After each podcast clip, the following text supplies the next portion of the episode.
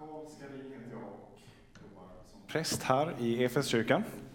Jag har gjort det i fyra år nu och det har varit fyra fantastiska år. Eh, det har varit eh, väldigt roligt. Det har varit väldigt utmanande. Eh, Framför allt har det varit en stor förmån att få jobba här tillsammans med er. Vi är kyrka tillsammans. Jag har förmånen och bördan att få, få jobba heltid här med det, men det är vi tillsammans som är kyrka.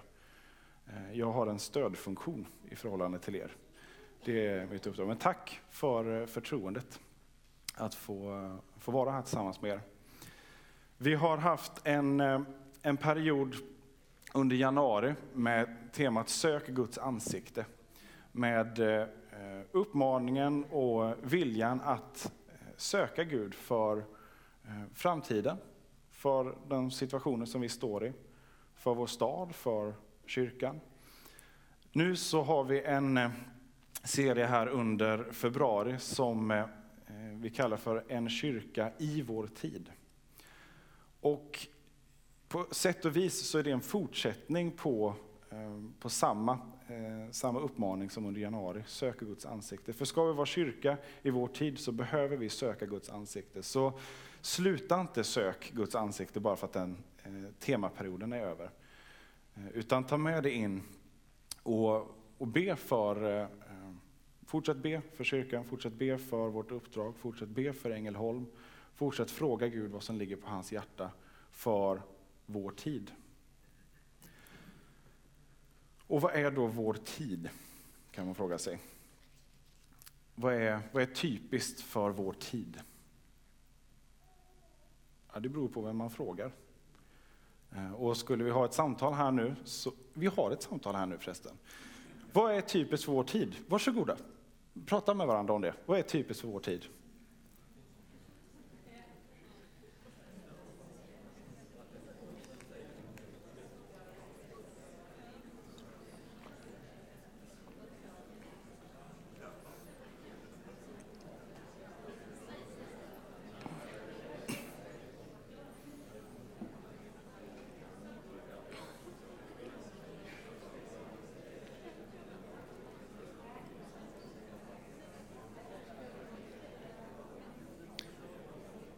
Där tror jag vi nöjer oss med samtalet så långt.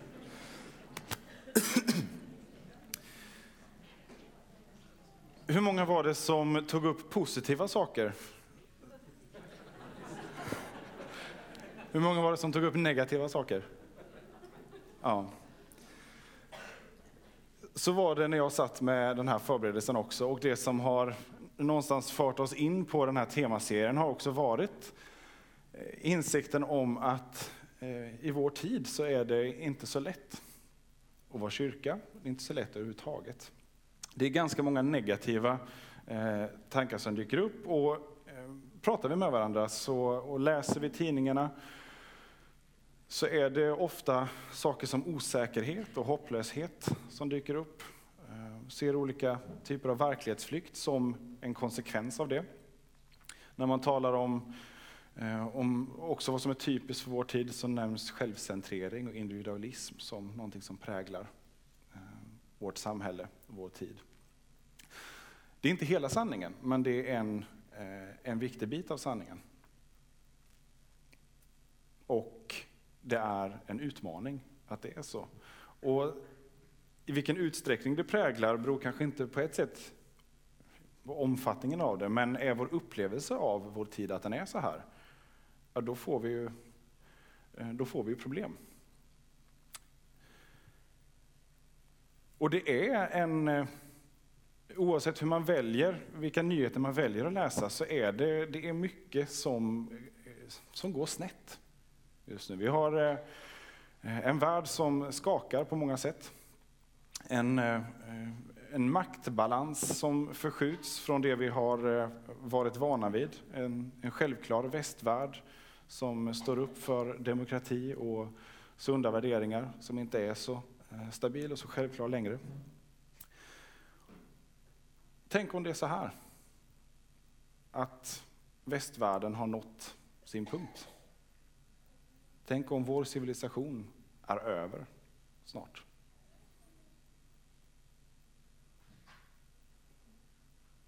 Är det jobbigt? Att ställa sig den frågan? Ja, såklart. Som med allt annat som är jobbigt, som vi vill hålla ifrån oss, så, så tänker vi att nej, men det är inte möjligt. Det kommer inte hända. Vi håller ifrån oss sjukdomar, och olyckor och katastrofer därför att det blir för, för jobbigt att tänka på. Så tänker vi det drabbar andra, men det drabbar inte oss. Och krig och katastrofer har förvisso kommit närmare de senaste åren genom flyktingkrisen, genom oroligheter i Östeuropa.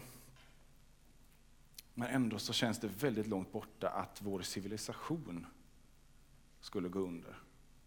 Det är ju västvärlden, det gör den ju inte. Men jag kan lova att romarna, inför att Rom föll, satt inte och konstaterade att ja, nu går nog snart civilisationen under. Det var inget de ville tänka på och det var antagligen inte någonting de såg komma heller. Inte heller Mayariket i Sydamerika. Som stort, oövervinneligt och i sina egna ögon skulle bära för evigt. Men det kollapsar också. Och så genom historien så har vi riken efter riken som, som tycks vara oövervinneliga och eviga och sen så rasar det. Så varför skulle vår civilisation, vår tid vara annorlunda? Förlåt för domedagstonen i det här. Men det är faktiskt det här vi står inför. Och det är, ehm, det är farligt om vi förlitar oss på vår egen civilisation, vår egen kultur som det som bär i evighet. För inget mänskligt kan bära i evighet. Och även det som växer sig stort och framgångsrikt når en punkt där det inte håller längre. Det finns olika anledningar till att civilisationer faller, men en anledning är att man blir för för stor, för bra, för avancerad för att kunna eh, hålla sig vid och så imploderar det istället.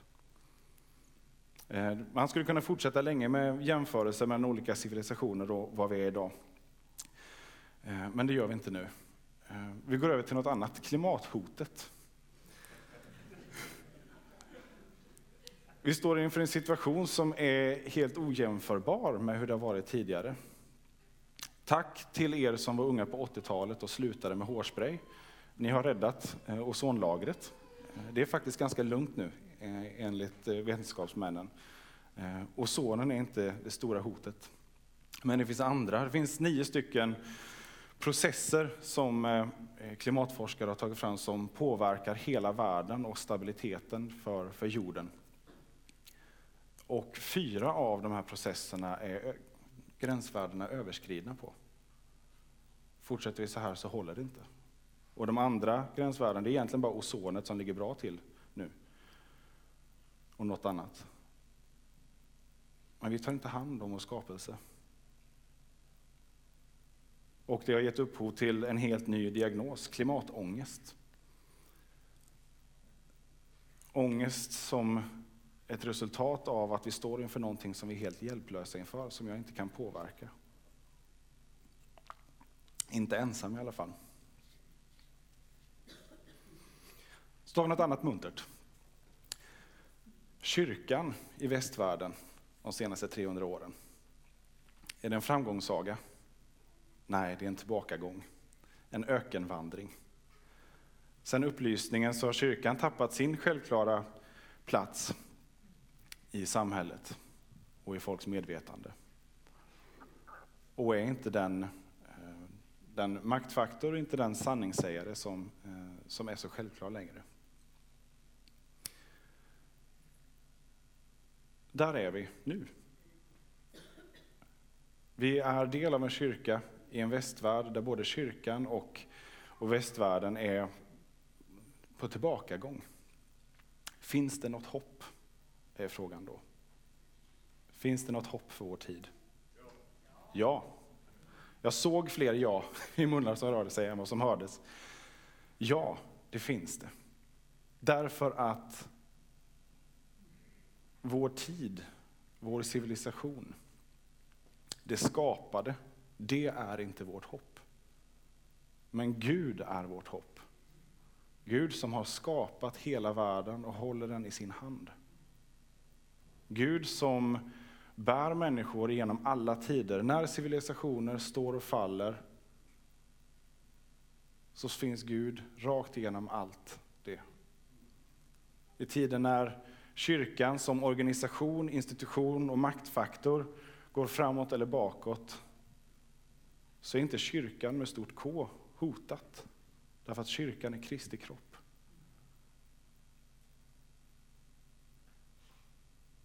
Men vi måste våga ta det på allvar. Vi måste våga se vår tid för vad den är. Inte fly undan genom verklighetsflykt och hålla det ifrån oss för att det blir för jobbigt. Men inte heller låta det övermanna oss så att vi tappar hoppet och tror att det är ute med oss. Det är absolut inte ute med oss. Jag skulle snarare vilja säga att för att nöden blir påtagligare nu än vad den har varit tidigare, och egentligen har den kanske inte det, för vi har haft perioder av, eh, av riktigt svåra tider. Men perioder av nöd, det tvingar oss till antingen så lägger vi oss platt och ger upp, eller fly från det, eller så söker vi Gud i det. Och låt oss då, låt oss då söka Gud i den tid som vi står i nu.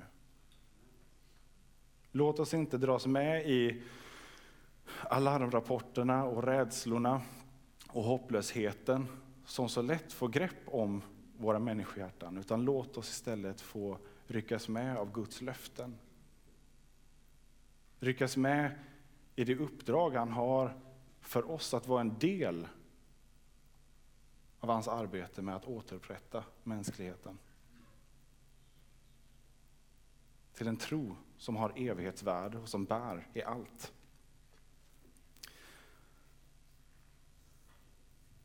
Och ska vi förstå vad vi ska göra i vår tid så behöver vi titta på något annat än vår tid. Vi behöver fästa ögonen på, på någonting annat. Guds ord och en annan tid. Vi ska läsa från Josua bok. Det är precis efter Moseböckerna i början av Bibeln, Gamla Testamentet. Så är vi i en situation där Israel har haft eh, 40 år av att de har vandrat i öknen. De blir befriade ur slaveriet ur Egypten. Och när de kom ut ur Egypten och skulle in i Israel, landet som Gud hade lovat att de skulle få bo i och få växa och frodas i. Så inför att de ska inta landet så sänder de iväg två spejare, eller inte två spejare, flera spejare, men två av dem heter Josua och Kaleb. För att se hur är läget i landet, finns det möjlighet för oss att inta landet och eh, slå oss ner här? Eh, vad behövs för det? Spejarna kommer tillbaka. Majoriteten av dem säger, det går inte alldeles för stort och starkt. Eh, vi kommer bli, eh, kommer bli utplånade om vi ger oss in i det här landet. Josua och Kaleb är de två enda som kommer tillbaka och säger, det går. Ja, det är sant. Det är en enorm utmaning, en enorm fara. Men Gud har lovat oss det här. Har han lovat oss det här så kommer han också gå med oss. Men de andra spejarna, som är i majoritet, får inflytande hos folket. De sår in misstrot, hopplösheten som får fäste. Och det blir inget intåg i landet. Det blir 40 år av vandring i öknen på grund av det här. En tid då Gud får ompröva, eh, omforma deras hjärtan. Eh, man brukar säga att det tog, eh, det tog inte så jättelång tid att föra Israel ut ur Egypten. Det var eh, några straffdomar, plågor och sen så tågade de ut. Men det tog 40 år att ta Egypten ut ur Israel.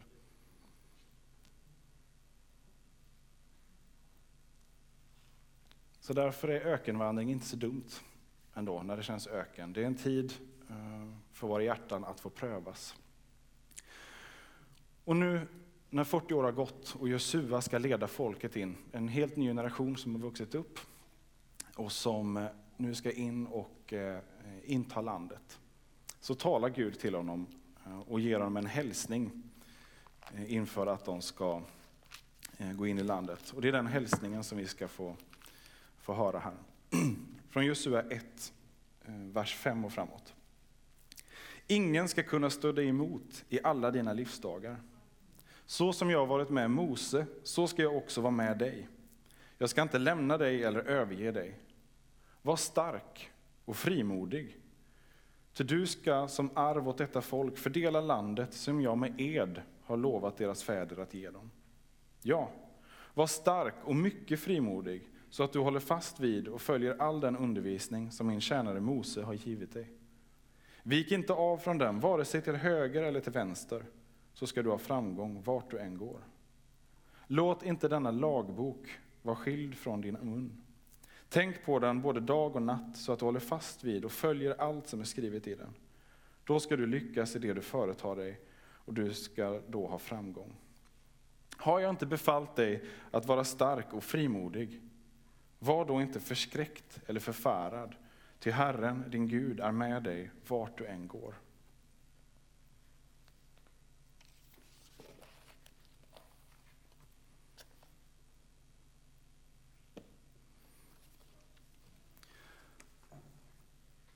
Det här är Guds hälsning till Josua och till folket. Och sen så ger Josua vidare instruktioner och så går de in i, i landet så småningom. Och lyckas med precis det som Gud har lovat dem. Nu får Josua se det hända som han 40 år tidigare sa, det går. För Gud är att lita på. Och här så, trots att Josua är den här förebilden i tron, så ger Gud Josua en uppmaning här. Var frimodig och stark. Och den uppmaningen kommer tre gånger. Eh, jag tror inte bara att det är ett pedagogiskt knep eh, för att Josua skulle komma ihåg det, utan när någonting upprepas tre gånger i Bibeln så är det av alldeles speciell betydelse. Och det finns uppmaningar eh, tillsammans med varje gång som, som det här upprepas som eh, jag tänker vi ska titta på. Tre uppmaningar som bygger på att vi litar på Gud. Den första eh, uppmaningen är att lita på Guds vittnen. Jag ska se om vi får upp det också. Lita på Guds vittnen. Här säger Gud att eh, det som, eh, som jag har lovat Mose och det som jag med ed har lovat dina fäder. Det är det du nu ska få tag på. Josua har själv sett eh, vad Gud kan göra.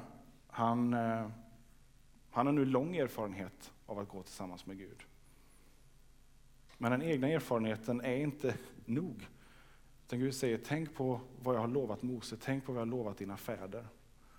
Och ofta genom Bibeln så, så kommer påminnelserna om vad Gud har gjort för andra människor, genom andra människor, genom historien. När vi ser vad, vad Gud har gjort, att kristen tro är någonting som är väl beprövat och nu har hållit i tusentals år, så blir vi uppmuntrade. Om vi är för upptagna med, med oss själva och vår situation så kan den kännas absolut hopplös. Men om vi tittar, ser på andra som har befunnit sig i liknande situationer, eller helt andra, så ser vi att Gud håller sina löften. Gud är att lita på. Det finns miljarder med människor som kan vittna om det. Och apropå de här civilisationerna som har ehm, uppstått och sen fallit, så har kyrkan stått igenom alla dem. Ibland också varit en del i att orättfärdiga civilisationer faller. Inte genom ett väpnat uppror, men som i Rom att utstå förföljelse och fortsätta vittna och dela tron. Och till slut så faller eh, det orättfärdiga Rom. I Sovjet har vi sett samma sak, förföljelse av kristna, en kyrka som inte bara har burit under eh, diktaturen utan växt. Samma sak i Kina. Sådana vittnesbörd, människor som har gått med Gud och gått före oss. Tar vi fasta på det så kommer vi se att vår situation, vår tid idag, är inte så unik. Och framförallt inte hopplös. Därför att Gud bär. Gud håller att lita på. Och vi behöver inte gå så långt bort. Vi kan gå, vad, vad finns det för förebilder i vår närhet? I både tid och geografi. Vad finns det för förebilder i ditt liv? Kristna som har gått före och som, när du ser på deras liv så ser du att det här, men det här, det ligger någonting i det här. Den här platsen, vi har inte varit här eh, mer än drygt tio år. Innan det så var vi, vi säger jag, jag var inte med, men jag är en del av den här kyrkan. Eh, innan så var vi på Villagatan inne i stan, ett litet missionshus som vi växte ur. Nu är vi här. Ett enormt trosteg att göra flytten hit, att satsa. Det, mina vänner, är vittnen som har gått före, som har vågat och som har satsat. Hur många här inne var med på Villagatan, föreningen då? Kan inte ni bara ställa er upp?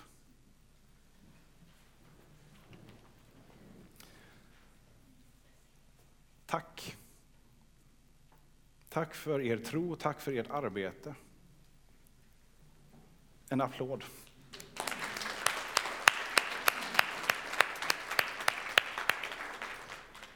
Det här är människor som har gått före, som har tagit enorma trosteg och som har sett att det håller.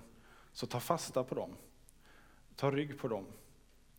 Och så ser vi att vi andra som är här idag är en del, vi är en del av frukten av de steg som ni har tagit. Det här hade inte varit möjligt om ni hade fegat ur när det blev allvar av situationen. När saker rörde på sig, när det var tufft i föreningen. Det här hade vi aldrig sett om inte ni hade litat på att Guds löften håller. Så tack. Gud har lovat att vara med oss. Lovat att vara med när vi går på, på det som han har lovat. Men vi behöver se de behoven som är, vi behöver erkänna dem för de utmaningar som de är, men inte backa. Utan lita på att precis som Gud har burit genom historien så kommer han också bära i vår tid och framåt. Den andra eh, punkten som, eh, som är här är att lita på Guds ord.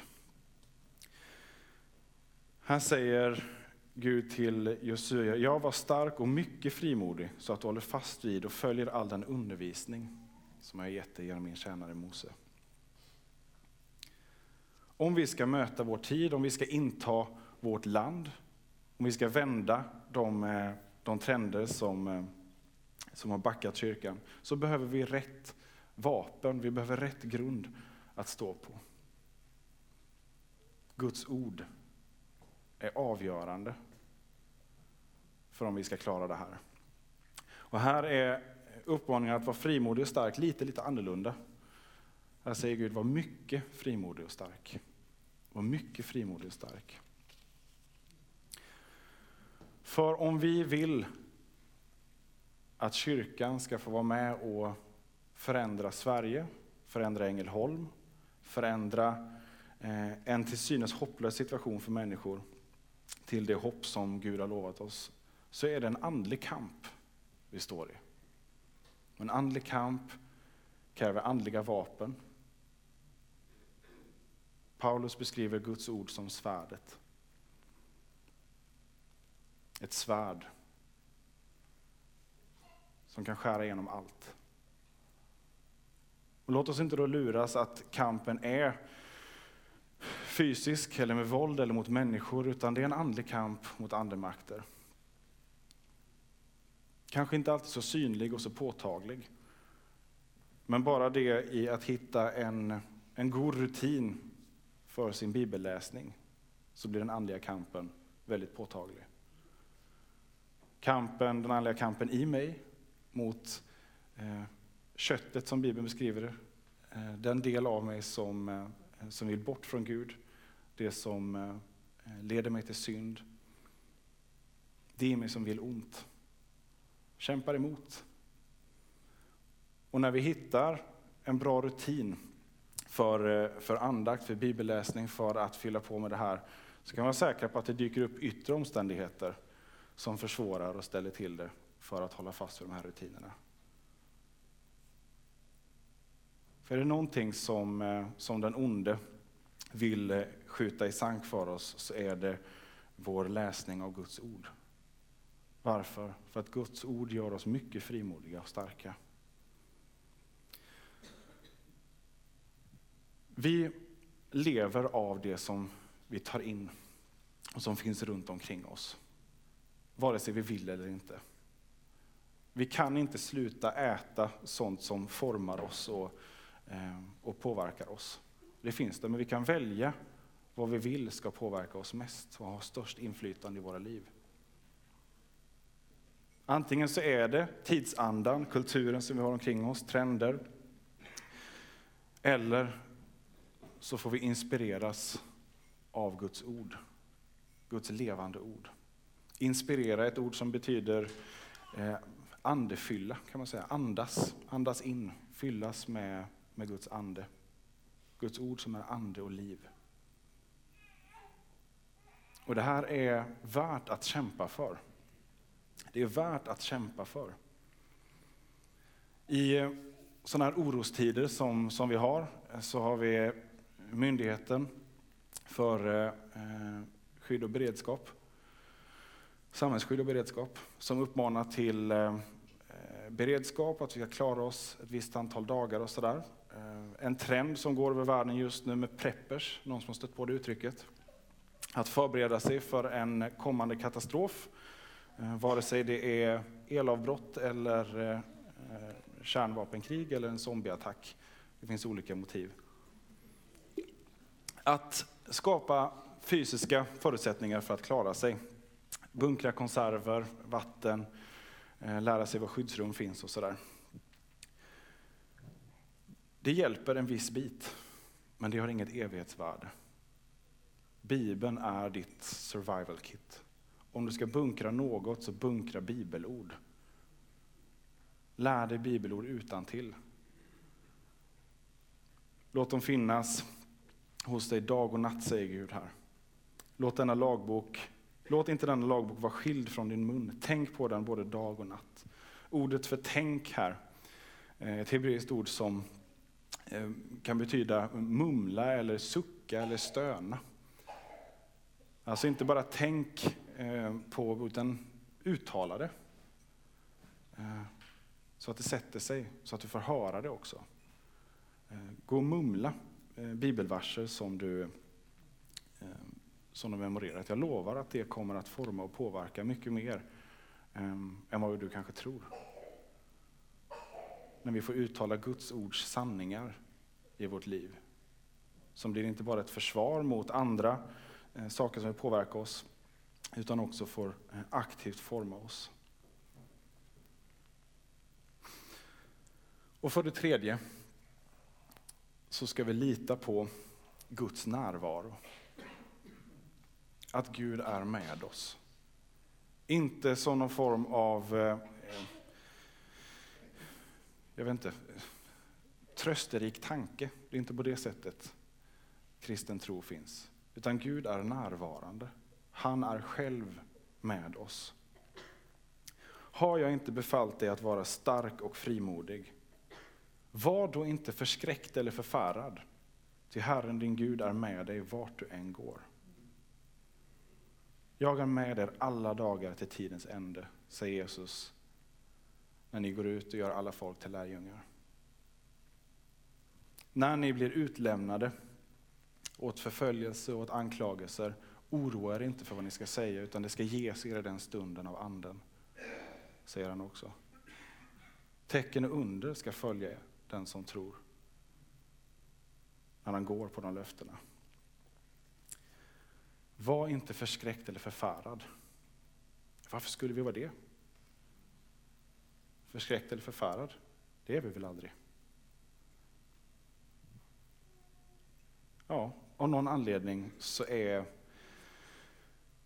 kan vi vara ganska rädda oroliga för att eh, agera på Guds löften. Varför? Är det för att det är en omöjlig utmaning? Ja, vi, har sagt, vi, vi har bestämt oss för att tro på Guds löften och vi har sett mängder med vittnen genom historien som visar att det håller, inte bara att leva på utan också att dö på. Det finns omständigheter, det finns fiender. Mänskligt sett är det en utmaning, men mänskligt perspektiv så har vi kanske all anledning att vara förfärade och förskräckta. Men var inte det, säger Gud. Var inte förskräckt eller förfärad, för jag är med dig. Har jag inte sagt åt dig att vara frimodig och stark? Det är inte ett förslag från Gud. Det är en uppmaning, en befallning. Var frimodig, var stark, för jag är med dig. Det är inte beroende av dig, dina egenskaper, din dagsform, dina omständigheter, din hälsa, din familj. Jag är med dig. Ur ditt perspektiv ser det kanske inte så ljust ut. Ur ditt perspektiv kanske det inte ser ut som att det bär så mycket frukt heller, de gånger du går i tro. Men du har inte hela bilden.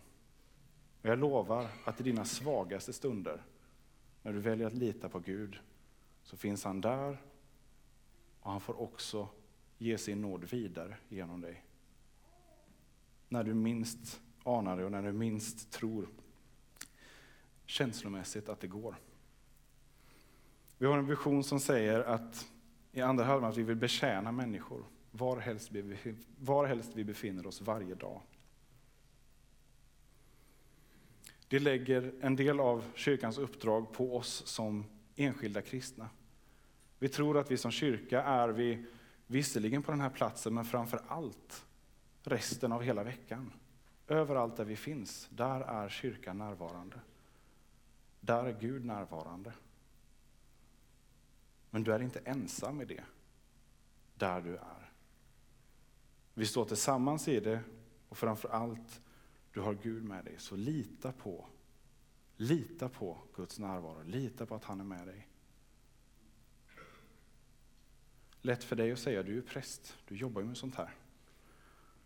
Jag kan berätta att det är precis lika stor utmaning för mig att inte vara förskräckt och förfärad och oroa mig för konsekvenser av att ta de här löftena på allvar. I höstas hade jag en, eh, en brottningskamp kring det här och eh, har jag sagt till Gud i bön vid något tillfälle att jag är trött på att vara feg. Jag vill inte vara feg. Eh, jag vill, eh, jag vill lita på att det håller och när det dyker upp situationer så vill jag inte fega ur och backa. En jättebra bön att be. Eh, pröva den. Var beredd på att det också uppstår situationer. Eh, bara kort efter det så eh, Eh, var jag eh, hos eh, några bekanta. Liksom inga vi träffar säkert ofta, men finns ändå i vår, vår bekantskapskrets. Och skulle lämna några grejer. Och, sen, och det är framförallt kvinnan här som, som vi känner i det här paret. Vart jag har lämnat lite grejer, åker därifrån, kommer på att jag har glömt en av grejerna som skulle lämna där. Åker tillbaka och då är bara hennes sambo hemma. Så jag lämnar de här grejerna och så säger han, eh, du förresten, du, eh, eh, du som är kristen och har kontakt med han där uppe, kan inte du tänka på mig? Ja, jo, det, det kan jag väl. Och så berättar han att han har fått otroliga problem med ryggen, ischiasnerven, jättemycket smärta. Och så säger jag att du kan väl, du kan väl be en bön. Då tänkte jag, ja det kan jag göra.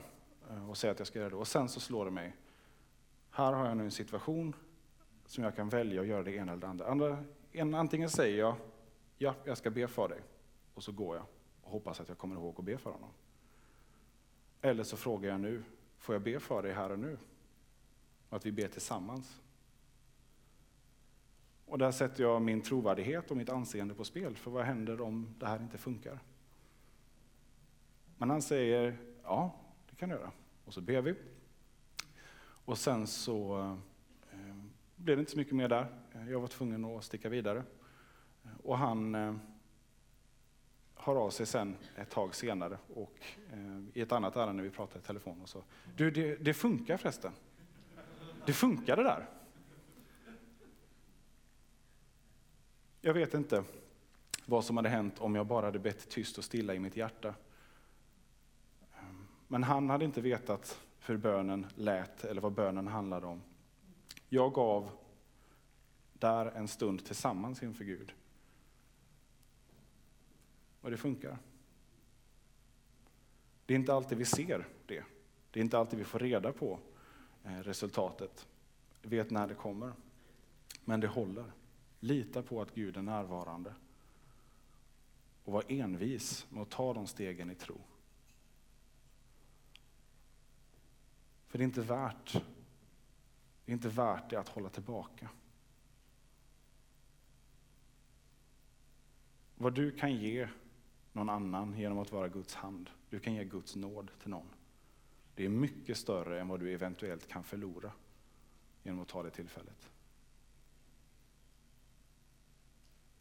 Att ge Guds nåd till någon, att vara Guds hand in i en situation, är mycket större än vad du eventuellt kan förlora.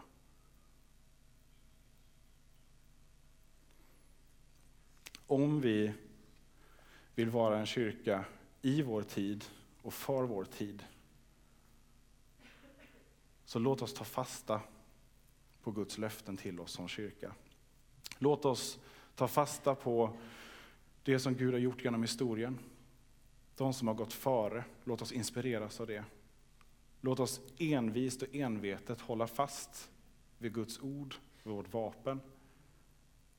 Låt inte varken din ovilja eller omständigheter hindra dig från det. Och lita på att Gud själv är med och bär.